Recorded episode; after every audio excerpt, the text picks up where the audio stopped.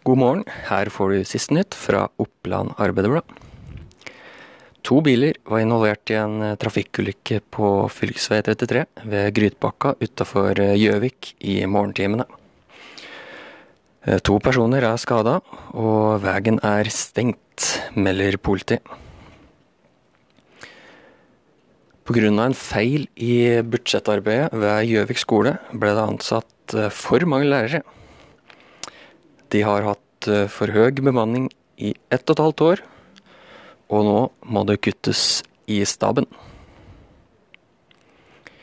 I august ble HC Gjestvang fratatt meglerlisensen av eh, Finanstilsynet pga. god meglerskikk. Sjøl om han eh, fikk midlertidig tillatelse til å begynne å megle igjen etter tre uker, valgte han å se på det som en mulighet til å bytte beite. Nå er han godt i gang med sitt nye selskap Gjestvang Eiendom.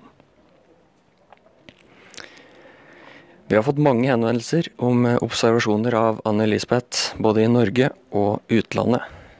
Det er seriøse henvendelser fra folk som sier de har sett henne. Det eh, sier politiinspektør Tommy Brøske til Dagbladet. Eh, han bekrefter eh, dermed opplysningene av avisa har fått om at det i nyere tid har kommet henvendelser til politiet om observasjoner av den antatt drepte 69-åringen Anne-Elisabeth Hagen. Følg ellers med på oa.no for flere nyheter gjennom dagen.